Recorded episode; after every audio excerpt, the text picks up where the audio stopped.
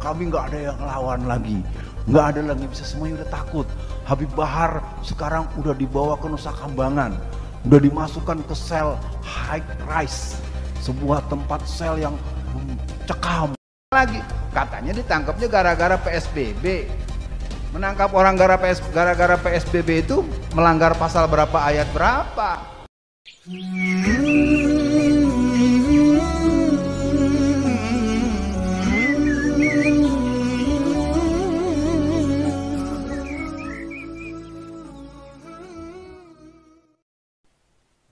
an la ilaha illallah wa asyhadu anna Muhammadan abduhu wa rasuluh. Allahumma sholli ala Muhammad wa ala ali Muhammad. Amma ba'd. Hari ini adalah kaji kita yang ketiga tentang wawasan sejarah umat. Edisi ketiga.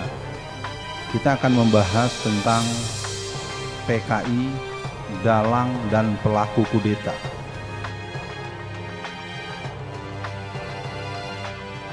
Pembahasan ini sesungguhnya sangat membutuhkan deskripsi dan narasi yang cukup panjang sehingga tidak lagi dilihat sebagai sebuah doktrin yang membuat akal kita tidak berkembang. Karena tudingan orang-orang PKI itu adalah ketika membahas masalah ini sering dianggap sebagai sebuah bentuk uh, ortodoksi tidak ada yang ortodoksi, yang ada adalah bahwa kita memang memberikan fakta sejarah. Sejarah bangsa kita pernah punya yang namanya PKI dan PKI tersebut sampai sekarang sebenarnya masih ada. Tahu dari mana Ustadz Alfian Tanjung? Tahu dari sumber-sumber yang tahu persis. Misalnya dalam beberapa pengkaderan, dalam beberapa forum, Orang-orang seperti Ripka Ciptaning itu terlalu sering mengatakan begini. PKI tidak pernah membubarkan diri.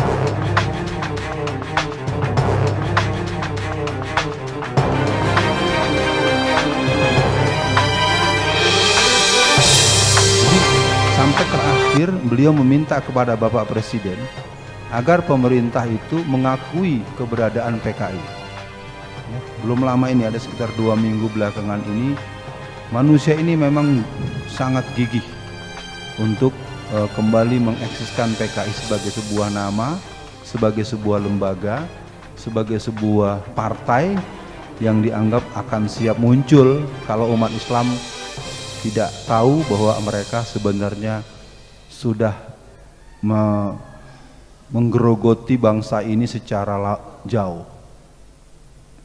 Kita akan memulai.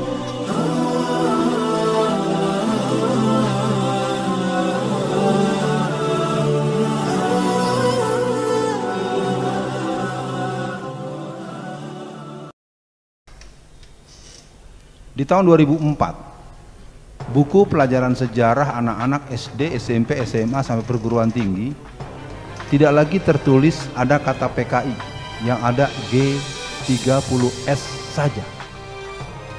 Ini mungkin menjadi perhatian buat semua hadirin, buat para jamaah, buat pemirsa di seluruh Indonesia. Ini sebuah permainan sistematik dari kader-kader mereka yang bergerak di Departemen Pendidikan. Dulu ada organisasi guru yang namanya PGRI, sekarang masih ada. Kelompok komunis namanya PGRI Fak Sentral. Jadi gerakan mereka itu memang bergerak secara terorganisir. Karena sesungguhnya komunisme itu adalah kominter. Komunis internasional.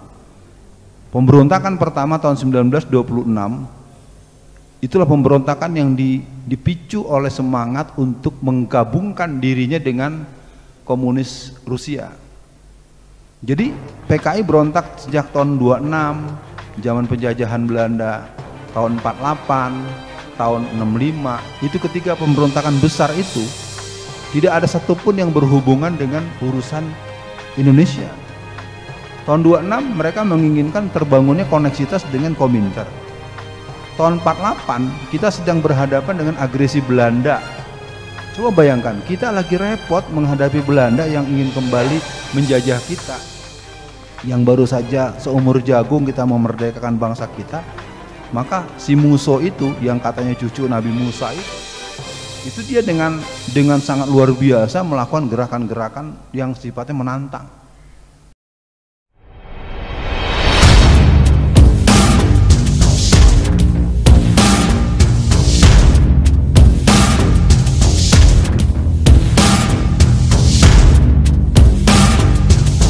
Pilih musuh atau pilih Soekarno? Ya, itu mungkin kira-kira yang perlu dipahami. Tahun 48 itu pemberontakan itu dimulai sejak bulan-bulan Juli. Ketika Amir Sarifuddin yang namanya Amir Sarifuddin Kristen dan komunis. Ya. Jadi saya minta supaya kita warga masyarakat muslim ini jangan mendengar nama lalu kemudian kita cepat mengkoneksikan oh santri oh ini Malah ada disebut dengan nama Kiai Haji Misbah komunis. Ya. Jadi itu disebut dengan kelompok komunis putih. Jadi di, di, di, zaman Orde Reformasi juga begitu. Mereka membangun garis jaringan komunis putih dimulai dari IAIN Sumatera Utara. Bergerak terus turun sampai ke Lampung, nyebrang ke Untirta, nanti sampai ke UIN Jakarta Syarif Hidayatullah di situ ada Miksil Minamunir terus bergerak nanti sampai ke Universitas Muslimin Indonesia UMI yang ada di Sulawesi Selatan ini menjadi satu pesan yang bisa dicerna dengan baik disimak dan kepada siapa pun yang bisa mengikuti penyampaian ini secara live live streaming maupun nanti setelah berlalu menjadi sebuah arsip yang bisa dijadikan perhatian. Untuk dulu untuk menegaskan bahwa mereka ini adalah perencana dan pelaku. Karena selama ini mereka selalu bolak-balik bolak-balik bicara soal ini kemauan Amerika, ini uh, dokumen Gilchrist, ini konflik internal angkatan darat. Saya ingin mengajak semua yang menyimak kajian pada hari ini. Di saat kita SMP, saya SMP itu tahun 80-an, 83 Nah, kita belajar tentang diagram Venn. Kotak, nanti ada lingkaran, ada lingkaran, ada irisan. Kalau irisan tengahnya itu ada tulisan PKI, berarti di lingkaran A, B, dan C PKI-nya ada nggak? Paham ya? Andaikan PKI-nya dihilangkan, ada nggak PKI-nya? Ada nggak gambarnya? Nggak ada. Jadi mereka ini memang luar biasa.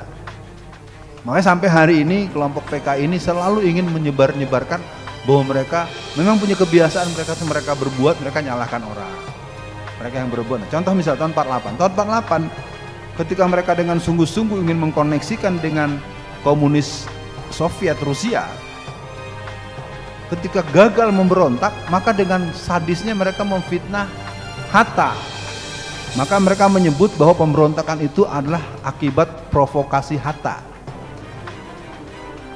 jadi tahun 65 juga begitu. Ketika mereka mempersiapkan diri mereka menyebut akan adanya dewan dewan dewan jenderal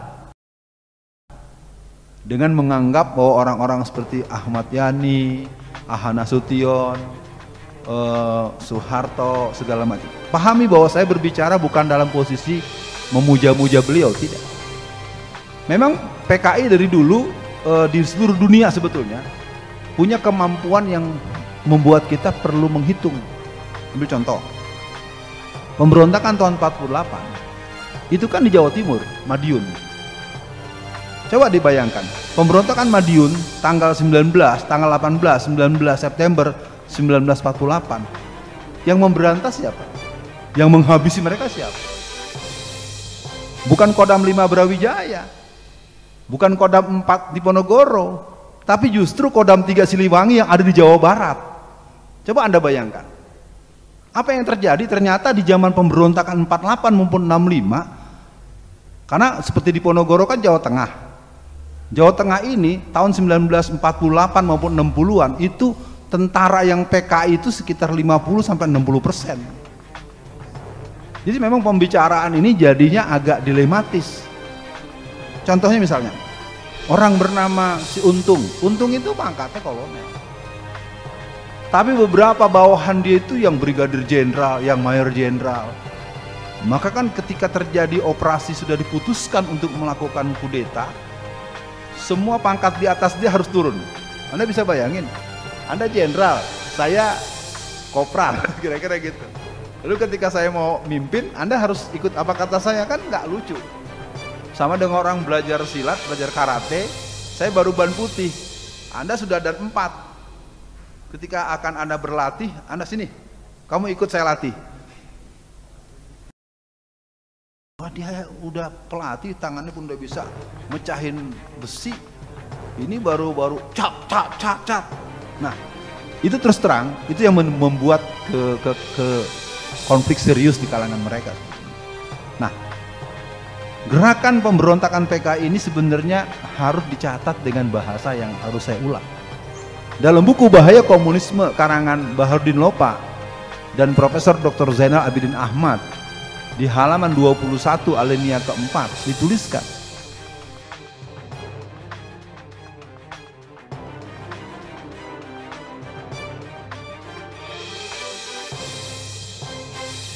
Kegagalan pemberontakan tahun 48 adalah sebuah kegagalan permulaan, repetisi. Kegagalan pemberontakan tahun 65 adalah kegagalan general repetisi. Kita harus melakukan pemberontakan ini. Itu yang membuat saya sebagai orang yang disebut-sebut ya orang mengistilahkan saya ini. Ada yang bilang saya pakar komunisme, ada yang dibilang saya pemerhati, kan beberapa sebutlah anak saya karena lihat buku saya banyak. Abi bukunya banyak. Bukunya PKI PKI abi Ustadz PKI ya ya jadi anak saya memanggil saya eh, secara spontan Ustadz PKI pengertiannya karena memang saya aktif dalam kegiatan dakwah dan saya banyak menerangkan soal komunis jadi secara simpel nah sekarang kita tegaskan dulu yang 48 48 itu otaknya adalah musuh anak buahnya bernama Aidit dan teman-teman. Ketika dia gagal, dia kemudian berhasil dikejar dan ceritanya panjang nih. Tapi karena kita ingin menegaskan, jadi PK itu adalah perencana dan pelaku. Ini yang perlu dipahami. Nah, kita masuk ketika tahun 1959 itu ada dekrit presiden. Di situlah saatnya pintu gerbang buat PKI luas. Sehingga pengaturan negara ini hanya kompromi antara PKI dengan Soekarno maka sering terjadi perdebatan apakah Soekarno itu komunis atau bukan. Saya tidak mau masuk di perdebatan itu karena pada posisi tertentu memang Soekarno itu adalah seorang nasionalis. Tapi sejak tahun 1927 ketika dia memimpin sebuah partai yang bernama PNI dan PNI Partai Nasionalis Indonesia itu dia sejak dulu sedang bermimpi menggabungkan antara minyak, air dan api Nasakom.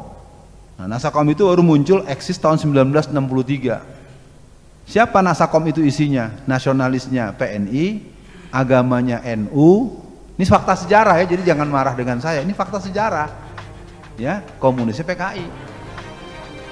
Ya, jadi itu harus dicatat dulu bahwa ini ada catatan yang harus didudukan bahwa memang ini adalah Nasakom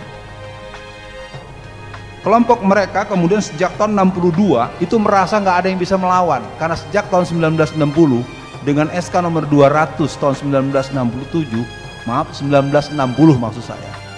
Itu per tanggal 17 Agustus di hari kemerdekaan Soekarno mengeluarkan surat pembubaran Masumi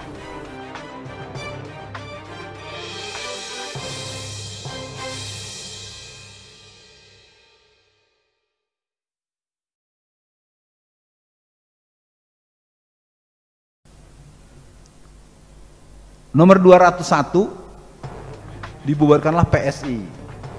Jadi kalau sekarang kita lihat kelompok Islam kadang-kadang agak berdekatan dengan Pak Prabowo, bukan karena Pak Prabowo itu tokoh Islam, memang betul Bang Yusril. Bahwa kita tidak sepakat pilihan politik Yusril kemarin itu urusan lain. Tapi Yusril menyebut Pak Prabowo bukan tokoh Islam, memang bukan. Tapi beliau memang baik sejak dulu, sejak tahun 90-an, 80-an itu sangat banyak mendukung kegiatan-kegiatan dalam bentuk pertemanan. Tapi dalam konteks tujuan, jadi jangan heran kalau beliau sekarang tidak menunjukkan pembelaan yang tegas kepada kita ya, dalam ilmu perang, dalam ilmu perjuangan. Masa kita mau berharap dibelain sama orang yang nggak sekhitoh dengan kita? Itu saja sebenarnya. Nah, tahun 1960 Orang-orang PKI itu sudah puncaknya adalah pada ulang tahun PKI ke-45 di GBK. Jadi Soekarno bilang, siapa yang ganggu PKI, hadepin Soekarno. biar tahu aja teman-teman. Dan ini sejarah nggak bisa dipungkiri. Dengan nyanyian-nyanyian yang menggelora. Nah, kenapa terjadi pemberontakan tanggal 30 September tahun 1965? Rencana kudeta merebut bangsa Indonesia itu adalah tahun 71. Tapi karena merasa sudah dekat dengan kekuasaan, Nyoto dan DN Aidit sudah menjadi penasehat menteri, menteri senior penasehat. Udah kalau bahasa anak Jakarta ini udah petang-tang, peteng-teng. Siapa yang berani sama saya? Oh. Rupanya ini jadi tempat mereka jatuh karena mereka kemudian nah, mulai gelagat-gelagatnya agak tidak kuat ketika tanggal 8 Januari itu seorang tokoh PKI perempuan yang bernama SK Trimurti itu mengundurkan diri.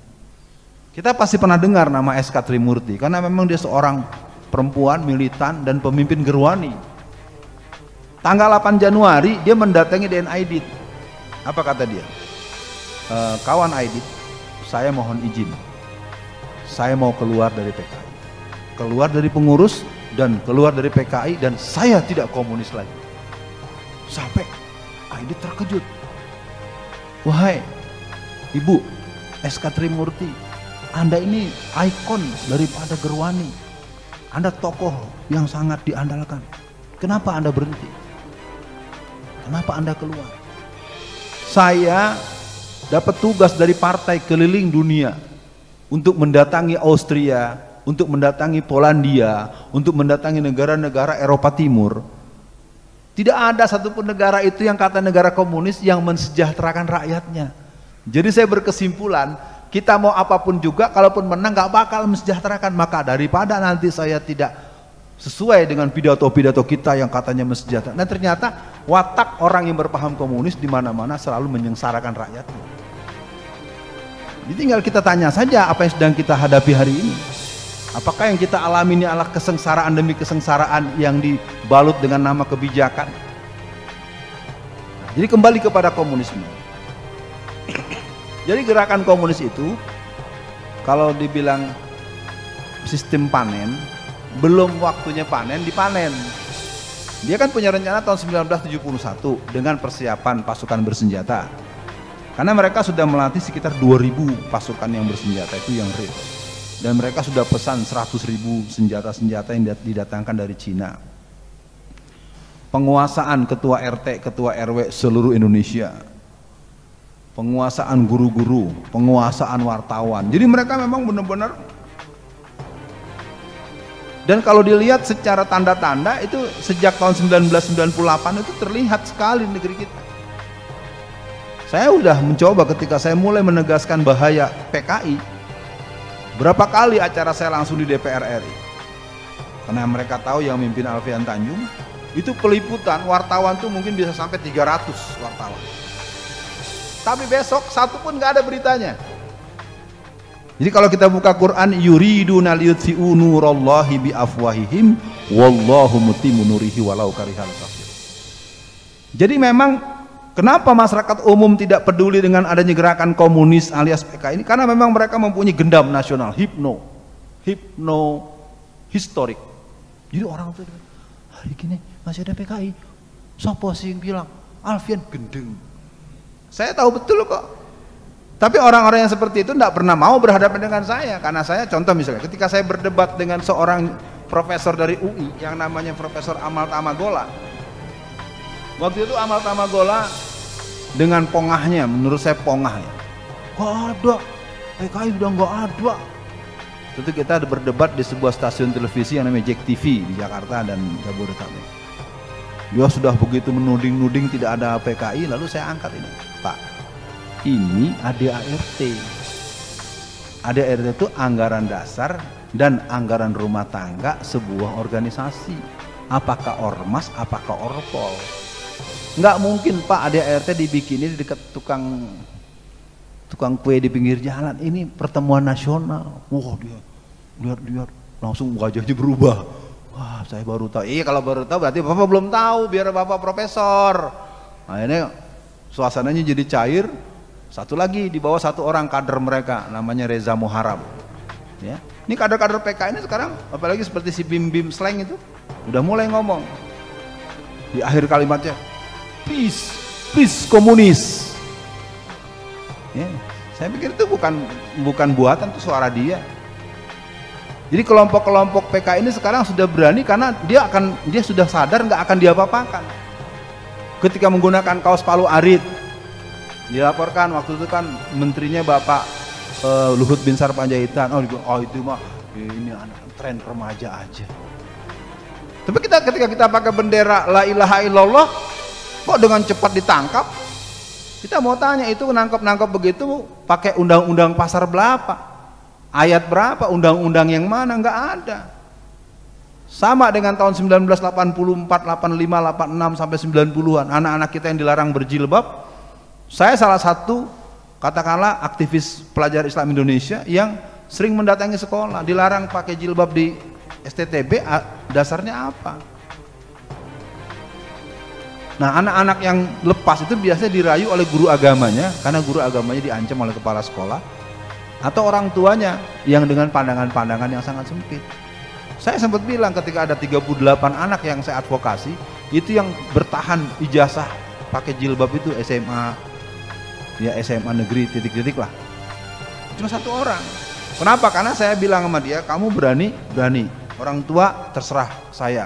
Saya minta kepala sekolah kalau dia dilarang mana bukti surat pelarangannya? Nggak ada. Sama dengan pelarangan masjid-masjid yang ada. Itu ternyata kadang-kadang permainan kader-kader PKI di tingkat RT dan RW ketika disampaikan ke tingkat wali kota atau bupati nggak ada surat begini itu gaya-gaya PK itu biasa suka main selebaran gelap, memanipulasi berita. Ya, dan itu sudah terjadi sampai sekarang coba kita lihat kelakuan stafsus stafsus itu. Anak masih umur bau kencur udah bisa pegang uang 5,6 triliun. Lalu sekedar dia mundur lalu dianggap selesai. Tangkep dong. 5,6 triliun. Ini terus terang saja kalau kita mau tengok banyak hal-hal yang antagonis sedang terjadi. Nah, jadi kembali kepada pembahasan kita. Mereka sedang membangun prakondisi yang menurut mereka sudah siap untuk memproklamirkan negara komunis Indonesia. Persoalannya ketika ini disampaikan oleh banyak pakar atau orang yang menekuni gerakan ini, kita bukan sama-sama waspada, tetapi malah marahin yang ngasih tahu. Sama dengan ada kebakaran tuh api membumbung, udah api, udah api. Kebakaran, kebakaran. Anda marah sama saya, marah saya, mana nggak ada kebakaran kok apa kamu? Udah tau api membumbung masih. Dia nunggu mukanya dulu dibakar. Siram dulu pakai bensin, mukanya dikasih api baru oh iya panas ya. Kelihatannya begitu kalau saya lihat. Kita bisa lihat bagaimana mereka sekarang banyak membuat video-video pribadi menghina orang sholat. Ada beberapa kejadian itu perempuan yang saya nggak sanggup menceritakan. Ada yang di atas sejadah bugil, perempuan bugil dibikin videonya disebar ke mana-mana.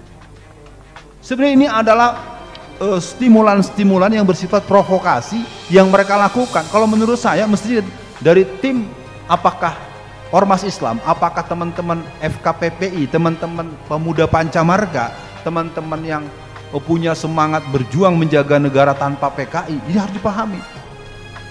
Yang memberantas PKI itu secara mas mentalitas memang umat Islam, tetapi secara proses membalas untuk walakum fil kisosi hayatun ya ulil albab. Karena memang mereka membunuh. Anda harus pahami logika mereka. Apa kata Stalin? Saya rela membunuh 30 juta manusia. Asalkan selain itu ikut dengan saya.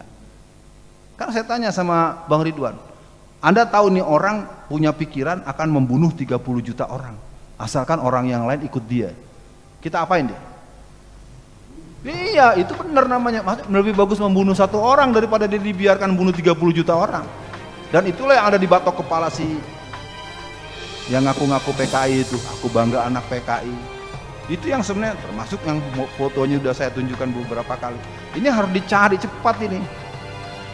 Cepat cari. Karena dia ini termasuk yang baju merah ini adalah yang melatih bersenjata anak-anak di Ambarawa, anak-anak di Malang, Kan mestinya kalau dalam bahasa ilmu politik, dalam ilmu hukum, ketika seorang Alfian menerangkan gini kan bukan saya yang ditangkap. Cari dong dia dulu, tangkap dia dulu. Nanti hadirkan saya, ayo saya bisa ngomong. Jadi sekarang yang sudah jelas-jelas makar, jadi sekarang mereka ini sedang mati-matian jangan sampai operasi ketiga mereka gagal. Mereka ingin berhasil karena seluruh dunia negara jadi komunis total setelah kudeta ketiga. Bisa nggak anda membayangkan betapa galaunya saya? Aduh, dikasih tahu masyarakatnya malah berbalik. Dikasih tahu malah saya yang dipenjara. Ya, ini kan sebagai sebuah permainan-permainan kontra ya kontra intelijen dan kontra provokasi. Nah, itu saja dulu karena kesimpulannya PKI memang sedang mencari kesempatan untuk ikrar. Ishadu bi anal PKI wah kami nggak ada yang lawan lagi. Nggak ada lagi. Semuanya udah takut. Habib Bahar sekarang udah dibawa ke Nusa Kambangan. Udah dimasukkan ke sel high rise. Sebuah tempat sel yang cekam wah kita tanya lagi. Katanya ditangkapnya gara-gara PSBB menangkap orang gara-gara PSBB itu melanggar pasal berapa ayat berapa jadi perlakuan-perlakuan itu memang ugal-ugalan. Jadi situasi ugal-ugalan ini adalah lahan subur eksekutor dari orang-orang yang berpaham komunis.